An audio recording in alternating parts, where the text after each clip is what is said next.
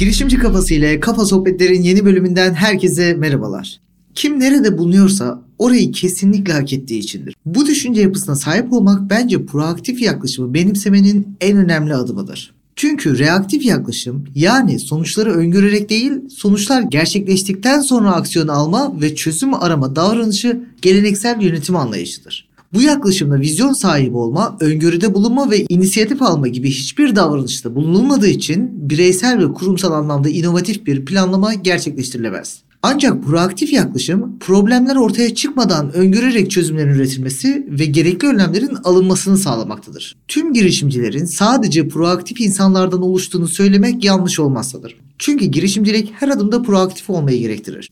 Bir sorunla karşılaşıldığında çözüm arayışında olmak, bulmak ve uygulamak, bu sorunu yaşayan diğer insanlara ulaşmaya çalışmak ve bunu anlatarak çözümleri uygulamaya geçmek ve bu süreçteki başarıyı sağlamaya yönelik tüm gayretler proaktif olmaya gerektirir. Girişimci olalım olmayalım, proaktif olmak hayatımızın her aşamasında kendi rotamızı oluşturmayı ve dolayısıyla kendi hedeflerimize ulaşma ihtimalinin tamamen kendi elimizde olmasını sağlamaktadır. İnsanların söylemlerinde girişimcilik karakteri ve proaktif yaklaşım olup olmadığı çok net bellidir. Örneğin bunlar hep beni bulur. Başkaları yüzünden bu oldu.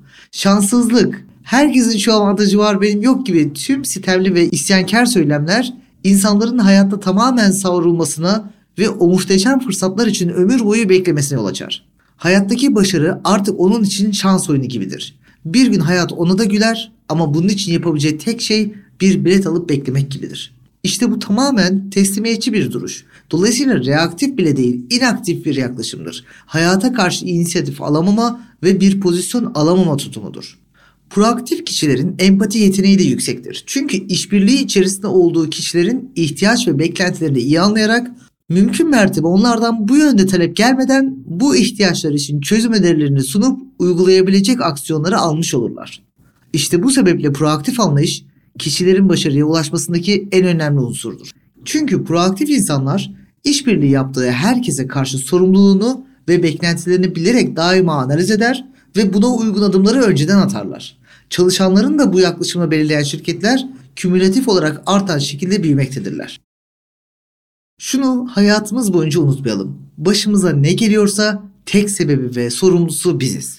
Yüzlerce reaktif ve inaktif davranış sergileyen kişi ama diye başlayan onlarca mazereti anında sıralayacaktır. Ama onun babası çok zengin. Cevap babası zengin olmayıp orada olan o pozisyonda olan kişileri örnek al. Ama o tanıdıkları sayesinde yaptı veya onun torpili var. O zaman network'ünü geliştirecek aksiyonları al veya daha fazla çalışarak alternatif yollar ile farkı kapat. Ama herkes köstek oluyor. O zaman gücü sadece kendinden al ve kimseye kulak asma. Örneğin gerçekleştirdiğin bir ortaklıkta yüzüstü bırakılmanın veya kandırılmanın sebebi yine sensin.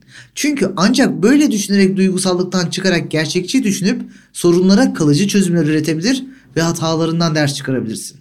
Bu sayede başarıya ulaşabilirsin.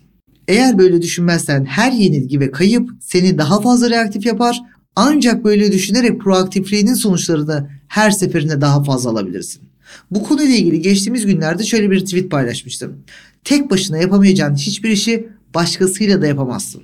Başkasına güvenerek hiçbir işe girme. Ancak tek başına yapabileceğin bir işi başkasıyla daha iyi yapabileceksen gir. Yoksa sadece bir basamak olursun. Maalesef insanların iyi niyetli adımlarıyla bilmediği işlere girmesi ve sonunda hüsranla karşılaşmasının en büyük sebepleri bu şekilde hareket etmektir. Bir insanın en kolay yapabildiği şey eleştiridir ama başkasına karşı. Sizden şu egzersizi yapmanızı istiyorum. Ama ile başlayan her cümlenizi ve mazeret olarak gördüğünüz her tutumunuzu siz bir başkasıymış gibi eleştirmeye ve alternatif çözümler bulmaya çalışın. Bu konuda ne kadar başarılı olduğunuzu görmeye başlayacaksınız. İnsanlar en fazla beyin fırtınasını başkalarına tavsiyede bulunurken yaparlar. Dolayısıyla benzer sorunları yaşasak bile bunun çözümünü genelde başkasına tavsiye verirken buluruz. Ne kadar ironik değil mi? Sizinle aynı sorunu yaşayan insanları bulun ve onların sorunlarına çözüm bulmaya çalışın. Kendinizi ne kadar geliştirdiğinizi ve iyileştirdiğinizi fark edeceksiniz. Ulaşmak istediğiniz her hedef için mutlaka alternatif onlarca yol bulunmaktadır. Bu sebeple bunlardan sadece bir tanesini veya birkaçını bile olsa deneyerek başarısız olmak sizi pes ettirmesin ve teslimiyetçi bir yaklaşıma itmesin. Böylesi bir psikolojide başarısızlığın sebeplerini daima harici unsurlar ve dış unsurlar olarak tanımlamaya başlarsınız. Kendinize odaklanın. Birisi size çok büyük bir yanlış yaptıysa bile ondan dolayı başarısız olmadınız. Ya o kişiyi seçtiniz ya da o kişiye çok güvendiğiniz için bununla karşılaştınız. Dolayısıyla her durumda sizin yaşantınızda bulunduğunuz noktadaki tek sorumlu sizsiniz. Bu bakışı sahiplenin, kendinize barışın, pozisyonu değerlendirin, hedeflerinizi analiz edin, alternatif rotalar oluşturun ve ilk adımı belirleyerek harekete geçin. Bu saydığım formülü uyguladığınız her işte istisnasız başarılı olacağınızı garanti ediyorum. Ben Kaan Gülten herhangi bir yerden emir gelmeden harekete geçerek sizler için özenle hazırladığım bir podcast yayınının daha sonuna geldim. Yeni yayınlarda görüşmek üzere. Kendinize çok iyi bakın. Keyifli günler.